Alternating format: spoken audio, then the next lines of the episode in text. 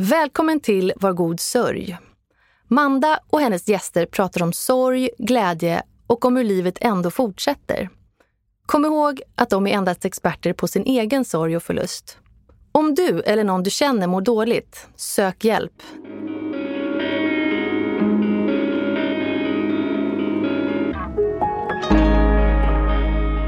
När Malins liv som ung ensamstående tvillingmamma stundtals kändes tufft, då fanns hennes pappa alltid där att luta sig mot.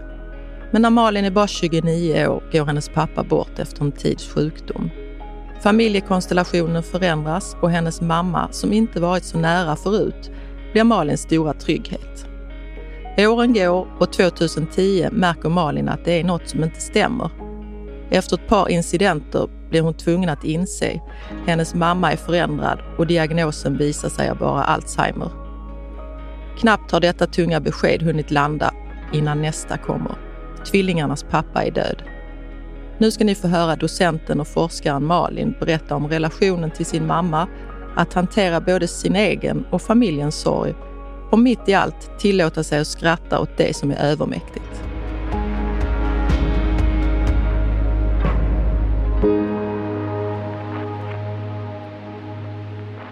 Välkommen Malin. Tack så mycket. Hur mår du? Jag mår jättebra faktiskt. Det är härligt att vara i Stockholm. Ja, för du bor ju i Lund egentligen. Ja, mm. precis. Den här historien som du berättar, du har ju två systrar också. Mm. Och eh, när du berättar så är det ju din personliga bild och historia av din mamma och allt som händer runt omkring. Ja, men precis. Man har ju alltid eh, en egen relation till sina föräldrar. Och det som jag vill berätta och förmedla det är ju min upplevelse om hur jag har upplevt hennes sjukdom och alltså hur hon gradvis har på något sätt förändrats. Mm. Men berätta, om du ska berätta lite från början. Jag tänker, jag berättade i inledningen att du hade ett tajt förhållande med din pappa mm. och sen så gick han bort. Och eh, hur var relationen med din mamma från början? Alltså den har nog alltid varit lite ansträngd. Jag var ju en ganska besvärlig tonåring och inte speciellt liksom enkel att hantera och jag gjorde massa dumma saker. Massa roligt också i och för sig. Bland annat så hoppade jag av gymnasiet lite prematurt, vilket ju är idiotiskt. Och så bodde jag i New York där eh, under ett år och hade väldigt roligt och, och jobbade på lite olika restauranger och nattklubbar och sånt. Men alltså mina föräldrar var ju extremt oroliga och framförallt min mamma. Hon var ju, alltså jag kan ju förstå det själv nu som förälder att hon måste varit helt utom sig. Men jag hade ändå svårt liksom att kommunicera med henne för det blev liksom, alltså det blev för jobbigt på något sätt.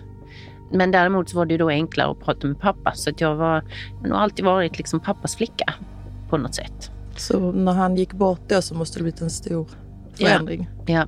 Då var han ju sjuk ett tag innan dess så att man visste ju att den dagen skulle komma men man visste inte riktigt när liksom. Men på något vis så blev ju mamma, även liksom under senare delen av pappas sjukdom, så blev ju vi väldigt tajta. hon älskade ju då mina små tvillingar också. Och vi stöttade ju varandra. Jag hjälpte henne med saker. Hon hjälpte mig med flickorna och när jag behövde liksom komma bort lite grann och göra annat. Så att, alltså över tid så blev vi väldigt, väldigt tajta faktiskt. Vi gjorde mycket tillsammans. Ja, och hon var en fantastisk kvinna på många sätt. Hon var väldigt handlingskraftig, företagsam, ja, otrolig faktiskt. Och det var du och din mamma och så var det flickorna mm. och så var det farmor. Precis. Ni var ett litet gäng kvinnor. Ja, vi var ett litet gäng kvinnor där. Så när pappa hade gått bort så um, tog ju mamma liksom över farmor och tog hand om henne. Och jag med. Vi bodde ganska nära varandra i Lund allihopa. Så att, ja, vi åkte till landet tillsammans. Vi tog med farmor dit upp och jag jobbade och ibland så tog då mamma med sig tvillingarna och farmor upp till landet. Och jag var kvar och jobbade i Lund och sen åkte jag upp och sen så var vi där och höll på och grejer och sånt liksom. Så att vi gjorde väldigt mycket tillsammans, ja. Fint. Mm. Men din mamma, hon insjuknade, man vet ju inte riktigt exakt när hon blev sjuk. Nej. Men vad tror du själv? 2010 sa du till mig att hon fick diagnosen. Ja, det fick hon då. Men alltså det var ju säkert så att man kunde ha märkt det lite tidigare. Jag vet att min äldre syster Åsa faktiskt sa till mig att hon tyckte att mamma hade blivit väldigt glömsk. Men sen var det också så att när pappa dog så mamma gick in i väggen, jag tror det var innan han dog i och för sig och det kan man ju fatta för hon jobbade och han var jättesjuk och det var liksom. Och jag menar sådana saker som liksom påverkar alltså ens psykiska hälsa och även, alltså man kan ju bli väldigt virrig när man typ blir utbränd. Nästan lite som Alzheimer. Så att, alltså jag trodde ju kanske att det bara var på något sätt det som kom tillbaka och att hon liksom hade det tufft annars, fast då var hon ju i och för sig pensionär. Så att, ja.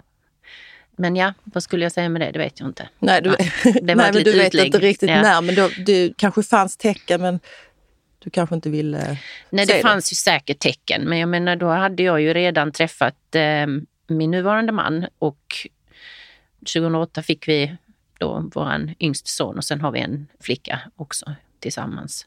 Så jag menar, det var fyra barn och så massa jobb och grejer. Det var inte så att jag liksom tittade på mammas beteende under lupp ständigt. Men alltså framförallt då 2010 kan jag komma ihåg att det blev märkbart att hon inte kunde hålla ihop saker och ting. Och 2010 var ett jobbigt år för dig och din familj. Ja, det var det. Vad hände? Ja, det var mycket som hände.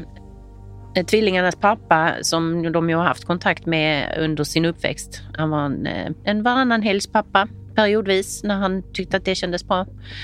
Men de hade ju ändå en fin relation till honom och 2010 då var de 16 och båda två. Han valde att avsluta sitt eget liv och det där är ju sånt som jag kan bli. Jag är ju bara arg på honom, inte fortfarande för nu tänker jag inte så mycket på det. Men, men jag förstår inte, det finns alltid en annan utväg. Men, och det var ju skittungt. Och framförallt var det tungt för mina döttrar Alltså jag har ju haft en relation med honom en gång i tiden, men det var ju länge sedan. Men förlusten, det gjorde ont i alla fall.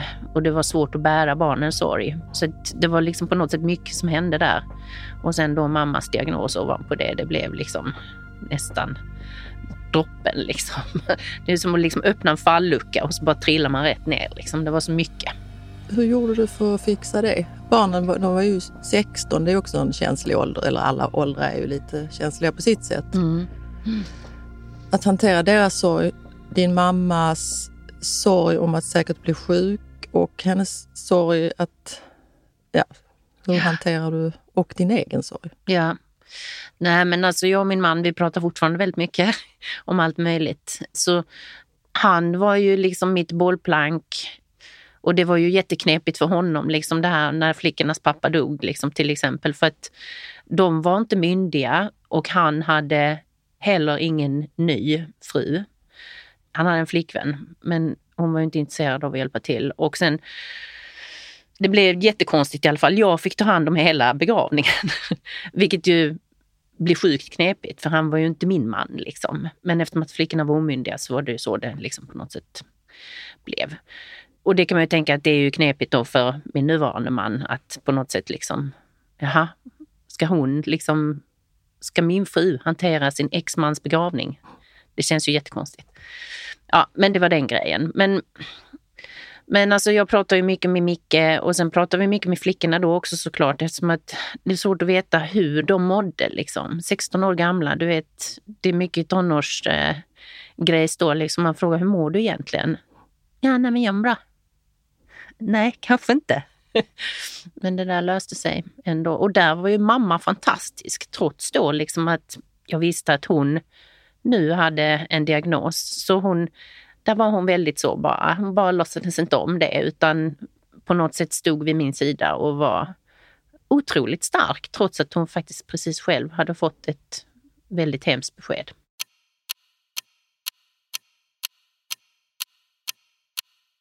För att eh, hur långt hade din mamma, kan man säga, hur långt hade det gått då? Ja. Hennes diagnos? Ja, det kan man ju säkert. Och, alltså du som är eh, sjuksköterska i botten, du vet ju också det att det finns ju ganska många olika sorters demens. Och Alzheimers är nog ett ganska vitt begrepp egentligen. Så där finns ingen klar liksom, plan för progressen av den sjukdomen. Den kan vara ganska lång och den kan också vara ganska snabb. I min mammas fall så har den varit väldigt lång och alltså har långsamt gått ut för. Och det har ju varit bra på ett sätt därför att dels har hon kunnat bo hemma länge själv och klarat mycket men inte allt. Samtidigt så har hon ju kanske också blivit ensamma och ensamma för det är besvärligt liksom med vänner och sånt om man bestämmer saker och sen så kommer man inte för man glömmer bort det. Ja, nu skrattar jag för att det blir ju så komiskt på något sätt liksom, i vissa situationer nästan. Kan du beskriva någon situation?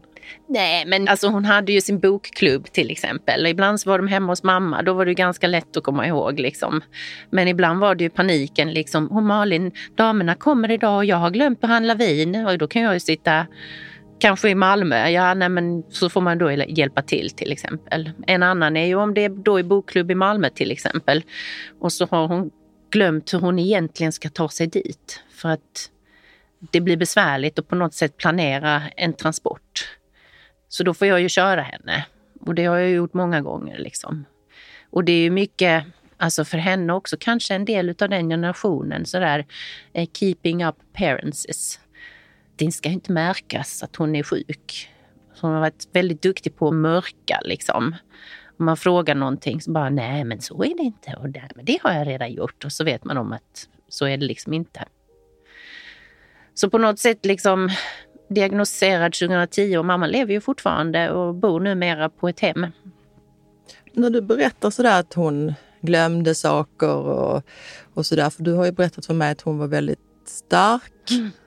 och lärde dig om ekonomi som jag tycker mm. är ett viktigt ämne. Mm. Tycker jag måste snudda med det, vid det jämt. Mm. Och du var ensamstående mamma till två flickor och där var hon ju din starka hand. Mm. Hur känns det att se sin mamma förlora den kraften. Mm. Nej men det är oerhört sorgligt på något sätt. Jag menar hon, precis som du säger, just det här med ekonomi och så vidare. När man då blir ensamstående med två små barn och dessutom pluggar liksom och ska klara sig med ganska små medel. Hon var ju super liksom, duktig på att hjälpa till med ekonomisk planering. Hon var jurist i botten, jobbade på Malmö stad faktiskt i många år på fastighetskontoret där. Och hon hade dessutom också hand om alltså, vår familjs ekonomi när jag var liten. Det var hon som deklarerade, som skötte liksom på något sätt, ja, du vet, allt. Så jag kommer ihåg, jag tror detta var typ 2012 eller något sånt där, då hade hon deklarerat men Skatteverket återkom då för hon hade gjort fel i sin deklaration. Och detta var ju kanske då innan man bara i princip gjorde det på nätet. Och så vet jag att hon kom till mig och så sa hon att jag får inte det här att funka riktigt. Så sa men vi kan be om hjälp på banken, alltså, eller så kan jag deklarera för dig. Under en period där så deklarerade banken till henne. För, och det är ju en tjänst man köper. Det kostar 2 500 eller något sånt, så det är mycket pengar. Så så småningom så bestämde jag då istället att det är bättre att jag deklarerar så sparar vi de pengarna. Blev hon ledsen då? Nej. Inte alltså, för pengarna, nej, nej, menar för, pengarna. För att hon inte fixade själv? Ja, lite grann tror jag. Men det var på något sätt som att hon var väldigt duktig på att, att släppa det där. Liksom att okej, okay, nu klarar inte jag av att hantera min ekonomi längre. Men jag litar på Malin så att därför så är det okej. Okay. Jag menar det enda jag gjorde sen liksom då i princip från 2015 var ju att jag betalade hennes räkningar. Till en början med gjorde vi det tillsammans. Så hon satt bredvid mig när jag gjorde det på datorn liksom, och gick igenom de här liksom, och bockade av att nu var den betald och sådär. Men sen blev ju det för bökigt liksom, på något sätt för det tog så lång tid. Så för min egen del så kände jag bara att ja, ja, men då jag gör det utan henne. Liksom. Och hon frågade aldrig, det försvann liksom på något sätt. Så länge allting annat funkade, hon hade pengar på sitt kort och kunde gå liksom och handla på den lilla närbutiken där hon bodde i Lund med sin hund. så var hon nöjd. Liksom. Blir du irriterad på henne ibland? Absolut. Det är klart att jag blev. Jag blev arg för att hon glömde och för att hon inte kom ihåg saker. Liksom. Och det blev ju också smärtsamt på något sätt. Därför att jag menar, det är ju helt fel sätt att gå tillväga och bli förbannad på någon, men det är ju också mänskligt. Liksom. Man kan ju inte bara mjäkra med liksom, så ja, ja men det blir bra lilla mamma, typ. Man blir ju förbannad liksom. Och rädd på något sätt därför att man vet om att det bara går ut för. Det går liksom inte åt något annat håll. Mm. Och då blir hon ju också ledsen själv ibland liksom när hon alltså kom till den insikten att det här går liksom inte att bota. Och det tyckte jag det var ju skitjobbigt. Nu kan jag börja gråta över det faktiskt. Alltså då när hon insåg att hon var sjuk och att det inte blev bättre. Det var oerhört smärtsamt att se. Och det var ju skönt att man var där då, när det hände. De gångerna. Hur reagerar ni då tillsammans? Ja, vi kramades. Hon grät. Jag satt med henne, jag började lipa, jag börjar lipa nu jag tänker på detta. Nej men alltså för det är tungt liksom. Det är jättetungt att se sin mamma liksom gå från att ha varit en typ av person till ett litet skal bara på något sätt. Och du sa ju också att det har varit så lång tid. Mm. Så du har hunnit liksom se henne bli sämre och sämre. Mm. Absolut. Varje år liksom från 2010 så är det ju någon liten del som har gått förlorats liksom på något sätt. Och man kan ju se det på två vis. Alltså den långa processen gör ju det mera smärtsamt såklart. Men den har också gjort att vi har fått behålla henne längre. Jag menar mina barn har ju en jättefin relation till henne, även mina mindre barn. Liksom. Och följer med ut och hälsar på henne på hemmet. Nackdelen på något sätt är ju liksom att, ja, att det gör ont periodvis. Trots det faktum att man då i princip nästan redan har sörjt henne färdigt. Vilket är lite konstigt för att hon faktiskt fortfarande lever. Ja, men du är ju mitt i det. Mitt Mm. i sorgen och att förlora en person så mitt i Mm. är ju jättejobbigt. Mm. Och all den här styrkan. Jag vet att din mamma hade ju väninnor och du berättade om bokklubben och Mm. hon och din pappa hittade på mycket. De var ju väldigt tajta, din pappa och, och mamma. Men Mm. när hon började bli sjuk, och så här, hur var bemötandet från vännerna? Hennes vänner? Ja, det blev ju inte så enkelt. För jag menar när de, de förstod ju liksom att någonting var fel när hon glömde saker och när hon inte kom och sen försökte de ringa henne och ja, alltså det blev ju liksom förvecklingar och missförstånd och allt möjligt. Och jag har ju pratat med många utav dem också faktiskt och försökt då förklara liksom vad det och jag har förklarat vad det handlar om och då har de ju förstått. Jag menar det är kloka kvinnor allihopa. Men många, såklart, vänner försvinner ju. Hon har några kompisar kvar, så där är ett par som hon och pappa har varit kompisar med länge som fortfarande då hör av sig till mamma och faktiskt åker ut och hälsar på henne med jämna mellanrum. Och sen även en gammal kollega till mamma som jag pratar mycket med och som också har varit och hälsat på mamma. Och huruvida hon egentligen känner igen dem vet jag inte riktigt, men när jag pratar med dem så förklarar de alltid att det blir fina möten ändå, liksom, även om inte mamma kanske kommer ihåg så himla mycket.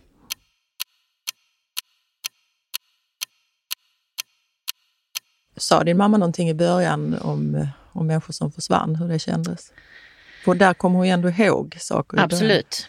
Inte egentligen vad jag kan komma ihåg. Umgänget blev ju snävare och snävare på något sätt, alltså ju sjukare hon blev. Och det handlade ju säkert också om att hon ville känna sig så trygg som möjligt i sitt umgänge. Och då blev det med dem som hon kände allra, allra bäst. Liksom. Att skapa nya kontakter var ju svårt. Faktiskt. Och jag menar bara, alltså nu sist när jag var i Stockholm i höstas på konferens, då var jag ju och hälsade på en av mammas gamla kompisar. Eller ja, inte jättegammal kompis egentligen, för de träffades alltså typ ja, när de var relativt nyblivna pensionärer båda två. På någon resa tror jag. Men den här kvinnan då, liksom, hon hade ju förstått att mamma var sjuk, men hon hade försökt att ringa till mamma. Och så kom hon ju inte fram och sen ringde hon till mig så småningom och frågade om mamma och så berättade jag då att ja, men mamma är ju sjuk. Liksom. Ja, men hon har ju ändå, liksom, när vi har pratat innan, jag tycker hon har låtit så check. och det är så typiskt min mamma, liksom, bara lyckas mörka alltså hela processen. Så där, lite rundgång har det säkert blivit i den konversationen när samma sak har återkommit, men ändå liksom kunna mörka så pass väl att man är riktigt sjuk faktiskt. Jag funderar på, har hon alltid varit så? Jag tänker, för du är också en sån person, du gör saker och det, är, det kan vara jobbiga saker runt omkring men ja, nu är det det här och så går vi till nästa. Var hon likadan? Ja, det var hon absolut. Jag tror att vi är ganska lika där. Att vi är handlingskraftiga. Liksom. Att måste man göra någonting så gör man det. Man skjuter undan liksom känslorna lite grann och så tar man tag i det som man behöver ta tag i. Där tror jag att vi är väldigt lika faktiskt. Jag är definitivt handlingskraftig. Och kanske stoppar undan Ja, stoppa Tårarna. definitivt undan tårarna. Men jag är också väldigt känslosam så jag gråter ju till höger och vänster hela tiden i princip. Nej, inte hela tiden, men ja, du fattar vad jag menar. Ja, jag fattar. Ja.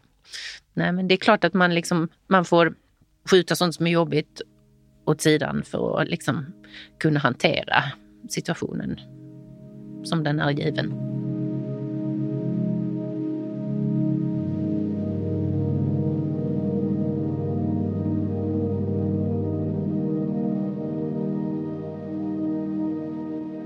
Nu bor hon på ett hem. Ja. Jag vet inte hur du själv tänker, men jag brukar tänka så här. Jag ska starta ett eget hem.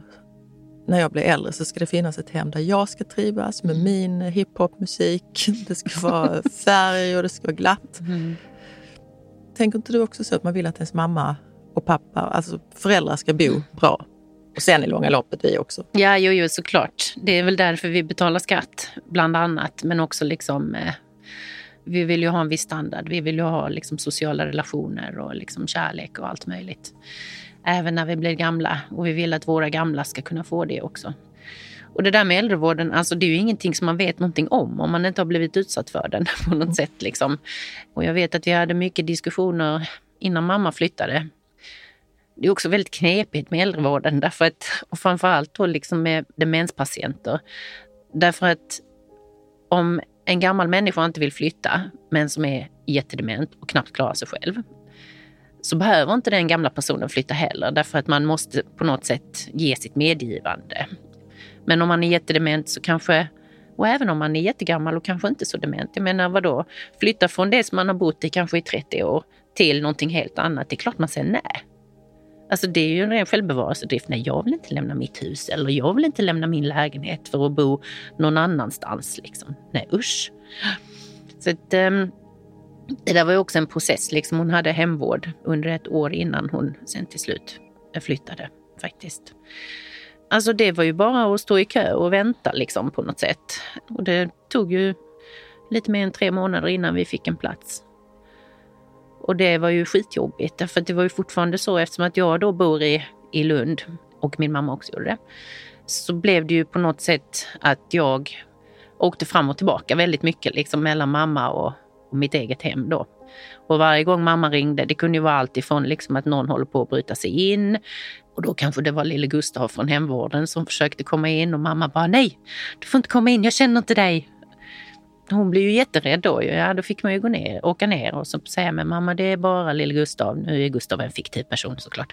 Han är inte så liten heller kanske. Ja, nej, men oftast var unga människor ju. De var fantastiskt trevliga. Ja, så fick man åka dit ner och prata med henne. Så att jag menar det kunde ju vara så att på en dag kanske jag var där tre gånger. Och då jobbar jag ju också 100 procent och har barn och djur och ett stort hus. Och över tid så blir det ju en enorm belastning. Liksom. Så även då mina syskon hjälpte till när de kunde, så just det här liksom att jag bodde i Lund gjorde ju att det var mycket som föll på mig. Jag höll ju nästan på att gå sönder där innan mamma kom in på hemmet också faktiskt. Det var tungt för, och då var jag arg på henne, fast det kan man ju inte vara för det är inte rationellt. Jag var fullständigt utarbetad och känslomässigt liksom, ja, trasig kan man säga. Låg det någon skuld i det också? Jag tänker att um, ja, men det var mycket för dig, du blev trött och så nej men nu måste jag till mamma. Nej men jag hinner inte idag. Jo, jag måste det annars så... Absolut. Alltså det här skuldbeläggande Ja. på sig själv.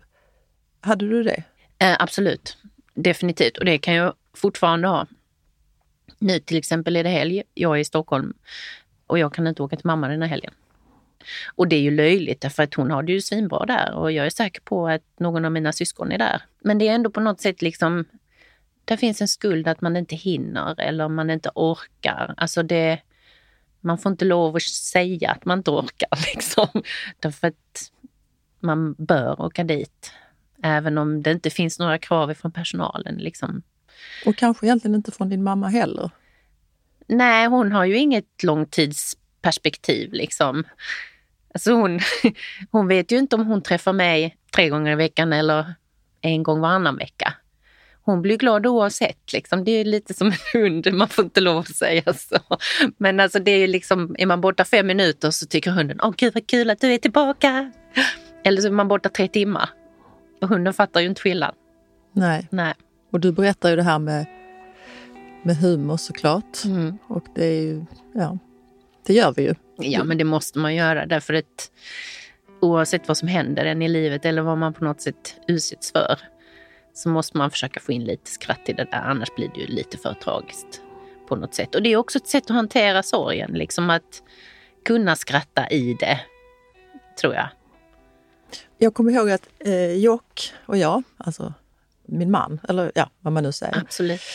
Han och jag såg ett program. Det var ett par som var, eller kvinnan var, hade demenssjukdom och mannen hade inte det. Och så sa han så här, ja men vi får ta vara på stunderna av han sa något, vi brukade säga det till varandra nämligen, Jocke och jag, stunder av klarhet. Mm. Eller, det var någonting i den stilen. Och då så sa Jocke att ja, men nu ska vi, när vi blir gamla så ska vi ta vara på de stunderna. Mm. Är det någonting du känner igen? Absolut, kanske inte lika mycket nu därför att jag tror inte att hon har så många klara stunder utan det är mest liksom ett, ett virvar. Eller ja, kanske om man säger att hon är klar när hon känner igen mig. Det är ju liksom som ett litet sandkorn på något sätt som man håller hårt i. Och det är underbart att hon faktiskt gör det fortfarande. Men jag kan ju minnas liksom tidigare när hon då var det ju snarare så att hon, då var hon klarare liksom längre perioder och sen så ibland så kunde hon vira till det fullständigt. Liksom. Man får ju liksom på något sätt samla alla de här guldkornen eller sandkornen eller riskornen av klarhet och spara dem. Liksom.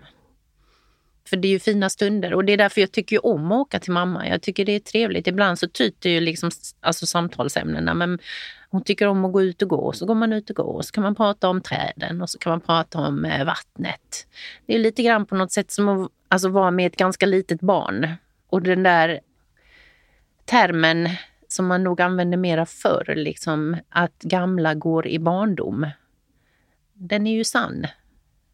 Det är liksom, man går ut och vallar henne lite och sen så stannar man och tittar på olika saker. Kollar vattnet i bäcken. Ja, titta, oh vilka fina träd där är. Ja, härligt. Ja, nu kommer det kanske en liten tussilago. Alltså du vet, det blir ju väldigt mycket sådär på något sätt. Men det är också fint. Ja, och det ger ju henne mycket också. Ja, just då gör det ju det. Hon är glad i den stunden. Det var ju det jag tänkte, vi börjar prata om hur man ska bo sen. Man, Mm. Eller jag börjar prata om det. Mm. För du verkar väldigt, väldigt nöjd och glad. Och din mamma verkar nöjd där hon bor. Och Absolut. då blir, då blir jag blir glad. Ja, Det verkar vara ett trevligt hem. Absolut är det det. Och jag menar det, någonstans, jag menar mamma var ju änka, hon träffade aldrig någon ny man. Hon bodde själv i ett ganska stort hus i Lund med sin hund som hon var ute och, och eh, gick med i tid och otid. Liksom. Det blev på något sätt ett mantra för henne att skulle gå ut med hunden. Och sen var hon och åt middag hos oss på helgerna och ja, någon gång mitt i veckan lite då och då också. Men alltså hon, hon hade ju inget socialt umgänge på det sättet. Liksom. Och det sista året så blev det ju jättesvårt för henne. Liksom. Och det var ju dessutom covid, så det var ju liksom, du vet, man handlade och till en början så var vi ju lite rädda för att alltså, träffa henne. Men det märkte vi ju jättesnabbt att det där funkar inte. Utan okej, är vi sjuka, då stannar vi hemma. Men så länge vi inte är sjuka så träffar vi mamma, för det här går inte. Hon kommer bli helt isolerad. Liksom. Och det var hon ju ändå på något sätt, liksom lite grann, även om vi sågs. Liksom. Så jag, vi handlade till henne varje vecka och, och fixade och sånt där. Men hon blev ju väldigt mager också. Dels för att hon var ute och gick med hunden hela tiden, så hon var väldigt fit egentligen, alltså kroppsligt, fysiskt stark, men oerhört tunn. Och när hon då sen kom till hemmet, så det var jobbigt i början såklart. Liksom. Det är lite som inskolning på dagis, om man får lov att jämföra den. Personalen har varit helt otrolig. Liksom. Det är en ren demensavdelning. Alla är lite så här liksom virriga och roliga faktiskt också. Men det blev ju liksom, hon fick mat på bestämda tider. Alltså, för jag menar det är svårt att äta om man är själv och jag kan ju inte vara hemma hos henne jämt och ständigt. Liksom. Och så folk som pratar med en, liksom, så man blir stimulerad på ett annat sätt. Så jag tycker ju i alla fall den första tiden, alltså det första halvåret så dels så blev hon ju, hon la ju på sig en del och såg lite friskare ut. Hon fick tillbaka sin tunga på något sätt. Hon kunde börja prata och formulera sig lite mer. Även om det var mycket rappakalja så var det ju på något sätt liksom som att hon fick igång den sociala relationen igen. Som hon nog hade tappat liksom på vägen. På och det såg du tydligt. Ja, ja. ja absolut. Så att hon mådde ju väldigt bra där. Och nu minns hon ju inte att hon inte alltid har bott där. Eller ja, hon vet väl att hon inte alltid har bott där, men hon kan inte komma ihåg att hon har bott i ett hus i Lund till exempel. Då måste jag aktivt visa henne en bild på huset. Då kan hon känna igen det. Men så hon trivs superbra verkligen. Hon har en bästa kompis nu som eh, kom strax efter det att hon hade flyttat dit också. Och de har jätteroligt tillsammans. Och de har ett litet gym i källaren och där går då mamma och hennes kompis tillsammans med någon personal ner två gånger i veckan. De är ute och går två gånger om dagen och de har liksom massa sådana här små interaktiva spel och vad heter sådana här eh, ballong tennis med typ flugsmällare spelar de hela tiden. De har ett fantastiskt Instagramkonto som man kan gå in och titta på. Vänta nu lite. Ja. Ballongsmällare? Nej, inte ballonger Nej. med flugsmällare. Jaha. Alltså så det blir typ ballongtennis. Okay. Som med, med flugsmällare. Jag får nu fundera lite på det. det, det, det, där, det där eh, spelar de faktiskt ganska ja. ofta. Vad fint att de har så mycket aktivitet. Ja. För det kan jag tycka att saknas ibland på vissa ställen. Mm. Det är ju dagsfärskt med muskler och eh, hälsa. Mm. Det är ju jätteviktigt. Mm. Ja, vad glada nyheter. Ja, men alltså det är ett otroligt fint hem och det är kommunalt. Det är inget privat. Men visst, alltså det finns säkert bättre eller sämre ställen också. Men det här var verkligen en jackpot, måste jag säga. För nu är inte hon hemma hos er så ofta? Nej. Och det pratade vi lite om mm. när jag pratade med dig innan intervjun. Att mm. Då beskrev du det så väl, varför hon inte kommer hem till er så ofta längre. Mm. Precis, hon har bott där lite mer än ett år nu ju. Och till en början med så vet jag att jag hade henne hemma lite då och då på helgerna och ibland på middag och lite sånt också. Men det märktes ju ganska snabbt att hon blev väldigt orolig när hon på något sätt kom ifrån då sin lägenhet på hemmet och den miljön. Bara att sätta sig i en bil, liksom, då kommer frågorna. Vad ska vi nu? Vad ska vi göra där? Varför det? Och så liksom blev hon väldigt orolig och så kunde hon sitta liksom och nynna lite grann så här. Eh, ja. Alltså det är ju ingenting som hon har gjort innan. Hon har aldrig haft någon sångröst heller. Liksom, så att, alltså det kändes väldigt konstigt. Men jag tolkar ju det som att hon blir hon blir stressad över förändringen på något sätt. Men så var det ju tidigare också, liksom, även när hon var mycket mindre sjuk. Liksom, skulle hon göra något nytt, som till exempel boka biljetter på tåget och sånt. Alla nya grejer var skitjobbigt. Liksom. Klarar man inte av det blir man stressad.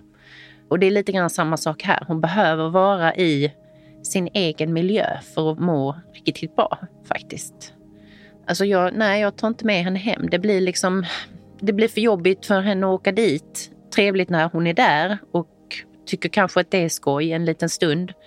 Och sen blir det jobbigt att ta tillbaka henne också därför att då är det precis som, nej men jag bor inte här, eh, hit vill inte jag. Så att allting blir bara en påfrestning och då får man ju fundera på lite grann, okej okay, varför vill jag ta med henne hem? Eller varför vill jag ta med henne någonstans? Är det för min skull eller är det för hennes?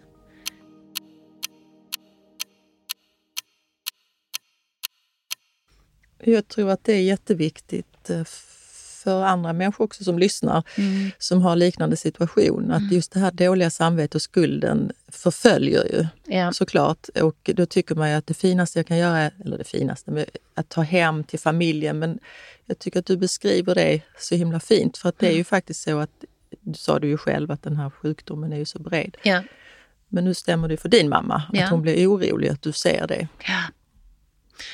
Nej, så då är det ju roligare, eller ja, det är bättre att ta med ja, till exempel barnen dit.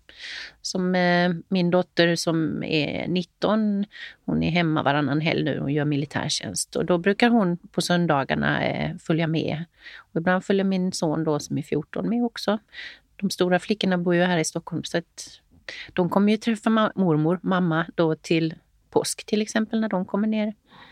Och härom helgen så mötte jag upp min eh, lilla syster där och hon hade med sin son.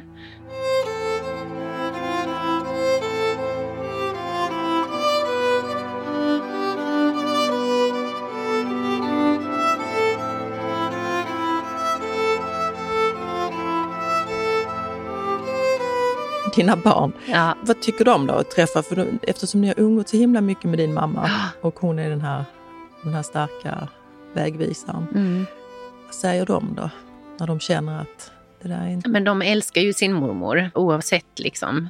Så även om mormor är lite konstig och säger konstiga saker och liksom, man tycker att det verkar lite knepigt sådär, liksom, så eh, alltså de har ju också förstått att det är som det är. Liksom. Men det är härligt att träffas ändå. För ni verkar prata mycket om det hemma. Alltså det är ju ingenting som du går och gömmer undan. Nej, det är ju fullständigt onödigt. Jag menar, vi ska ju bli gamla allihopa. Eller hur? Ja, det sägs. Ja, det är det man hoppas på i alla fall, oavsett om man blir dement eller inte. Det är bara att hoppas att man har liksom fostrat sina egna barn så bra som mamma ändå liksom fostrade oss, att vi har tagit hand om henne. Liksom.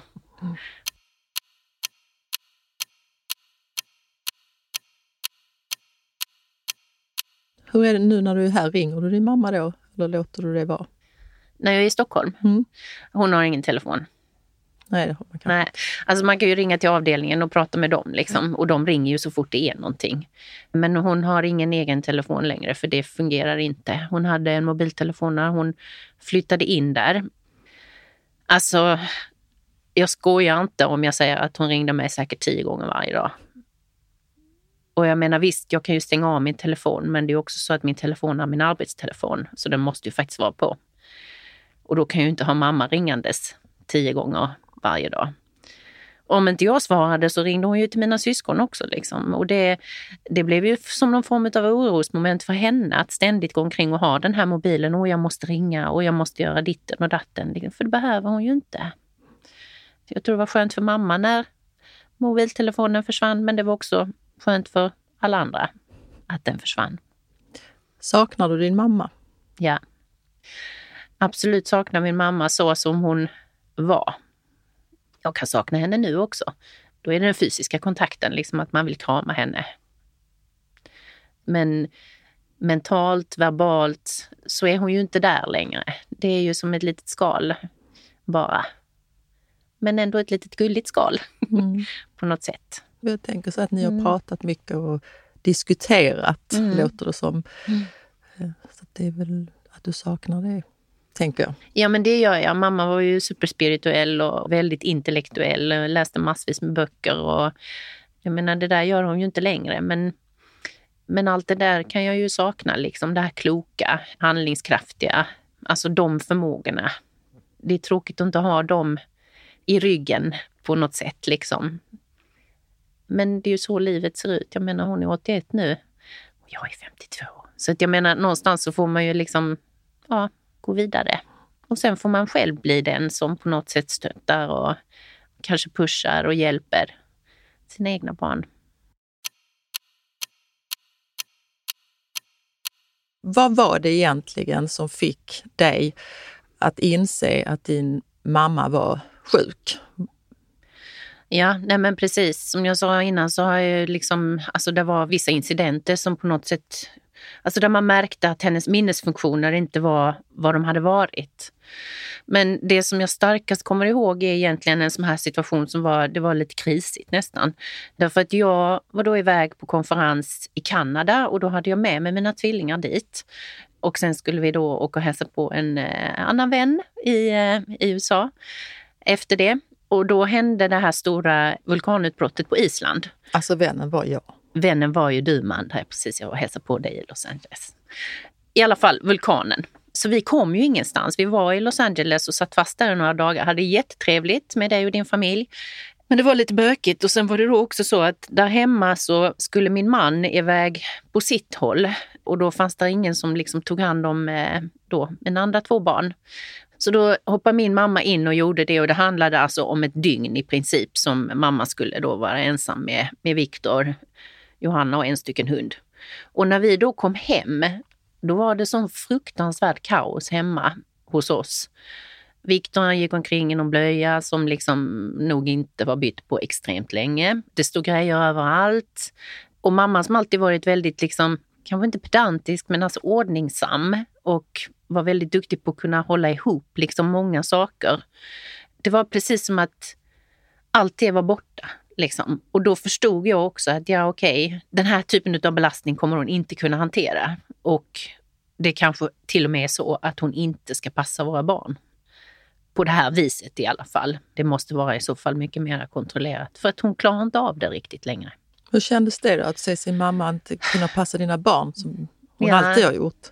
Det var ju sorgligt alltså, för det var ju på något sätt liksom som att det enda skyddsnät som vi som familj hade, det drogs ju undan. Därför att där var ju ingen annan som kunde hjälpa till med att passa barnen. Jo, alltså Mickes syrra och så vidare då, liksom absolut. Men hon hade ju också små barn liksom, i samma ålder. Så jag menar, det är inte så att man liksom vill belasta andra som redan har mycket. Men ja, nej, så då försvann liksom skyddsnätet på något sätt. Och man fick hantera det själv. Och så är det ju för många. Jag menar det är väldigt få som är förund alltså som har liksom en levande förälder som kan, eh, eller en förälder i livet som kan hjälpa till och ta hand om barnen. Men nu är de ju stora, men då när de är små, då, det är ju kritiskt liksom. Därför att man flyger och far till höger och vänster hela tiden. Och det, nej, det kändes, det var svårt. Det blev liksom, det gjorde ont. På något vis. Mm. Det måste ju vara ett jättetungt för er alla i hela familjen såklart. Ja, men, Inklusive din mamma. Ja, ja, och det var det ju säkert. Och grejen var liksom att alltså när jag på något sätt liksom då ramlar in där med Klara och Julia efter en transatlantisk eh, flight. För det var ju liksom Los Angeles, Chicago, Chicago, Köpenhamn, Köpenhamn hem. Alltså svintrötta var vi ju naturligtvis, men så var det ju ändå sånt kaos. Det är ju inte så att man bara kan sätta sig ner, utan då får man ju liksom... Jag fick ju styra upp liksom och på något sätt inte bli arg på mamma, utan stötta henne. Kom så liksom, nu gör vi det här och liksom, ja, om du tar Viktor och sätter honom i badkaret så ja, av med den där blöjan då liksom. Så plockar jag undan här nere. Så hon, hon åkte ju inte hem då utan hon stannade på middag faktiskt och sen så åkte hon hem senare. Och då var det precis som att man kunde runda av det på ett trevligt sätt istället. Liksom. Men det gjorde ont. Alltså det var precis som att se... Ja, det är svårt att förklara. För hon var ju ändå liksom inte så sjuk så att det märktes. Men det var så uppenbart att hon klarade inte av att hålla ihop det. Det var två barn och en hund. Och hunden var ju bara att släppa ut liksom. Men när din mamma får den här diagnosen, Alzheimer är ju inte något nytt. Jag tänker som dotter är det ju en bit, fruktansvärt, mm. men du är också i din profession mm. där du vet andra saker som vi andra kanske inte vet mm. om Alzheimer. Du jobbar ju som eh, docent, forskare och biträdande professor inom diabetes. Och eh, du har förklarat att det finns ett samarbete där.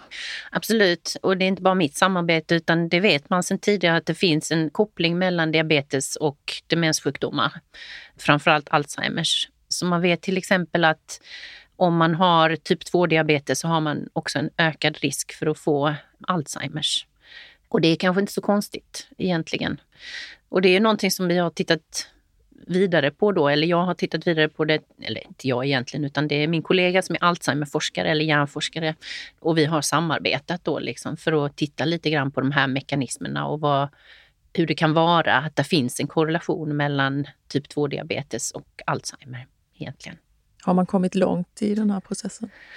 Ja, ganska långt. Men som vanligt så är det ju ganska komplicerat när det gäller kroppen. Men man kan ju tänka sig liksom att de riskfaktorer som existerar för att då få typ 2-diabetes, som naturligtvis beror på gener till viss del, men också på hur man lever. Hur mycket man rör på sig, hur, eh, ja, fetma generellt liksom. Så vet man ju då liksom att de riskfaktorerna är ungefär samma för diabetes och Alzheimer. Man kan tänka sig att det beror på förändringar i, eh, i kärlen till exempel. Och blodflöde är ju superviktigt liksom för det passerar då massa grejer ut till rätt vävnader. Men även insulin har viktiga funktioner i hjärnan och när man då har diabetes så får man ju minskad insulinproduktion och då kan man kanske också få effekter på hjärnan och minnesfunktionerna intressant. Mm. Skrämmande och intressant. Ja, absolut. Men hålla igång lite är ett råd. Kanske. Precis. Lev väl, ta hand om dig. Ja, absolut. Vad skulle du vilja säga till andra kvinnor och män om de hamnar i samma det gör vi ju, mm. hamnar mm. i samma situation ofta med mamma eller pappa som blir sjuk. Mm. Ja, alltså det som jag ångrar lite grann så här i efterhand, men det är också svårt när man är mitt uppe i det. Det är att man ska ta hjälp så tidigt som möjligt. Och det finns ju fantastiska, ofta demenssjuksköterskor kopplade till kommunen som man kan prata med. Och det finns ju många organisationer för anhöriga då till eh, folk med demenssjukdomar. Och de kan man också prata med för att på något sätt få både hjälp och stöd att hitta verktyg som fungerar. Liksom, dels för att hjälpa sin förälder men också för att på något sätt hjälpa sig själv att hantera förlusten som ju faktiskt kommer innan personen ens har gått bort. Så det är väl mitt meddelande till resten där ute. Att ta reda på så mycket som möjligt, kontakta eh, patientföreningar och anhörigföreningar och tala med den kommun som er förälder bor i liksom, för att kunna se till att de får så mycket stöd som möjligt. Kanske tidigare än vad min mamma fick. Funderar du ibland på att du är på väg att inte ha några föräldrar alls snart? Mm. Nu dog ju min pappa så tidigt på något sätt. Jag var ju bara 29. Och det var ju en fruktansvärd förlust liksom. Men egentligen så har jag ju inga föräldrar nu heller. Även om mamma lever så är hon ju inte en ehm, hon är ju inte förälder på det viset. Nu är hon inte en belastning heller, som hon har varit ändå, och det får man lov att säga, under många år för mig. Men ehm, ja, hon är ju egentligen inte kvar. Fastän hon är kvar. På något sätt. Men jag tror inte jag tänker så mycket på att jag kommer vara föräldralös. För att det känns ju ändå som om det är en naturlig progress av, av livet. Och det kanske liksom just för att min pappa dog så tidigt som jag känner så. Jag menar du och andra har ju kanske kvar sina föräldrar i livet fortfarande och då blir det ju mera påtagligt liksom Ja. Tack för att du kom hit Malin. Ja, tack så mycket. Var god sörj görs av Manda Ersgård och Stray Dog Studios.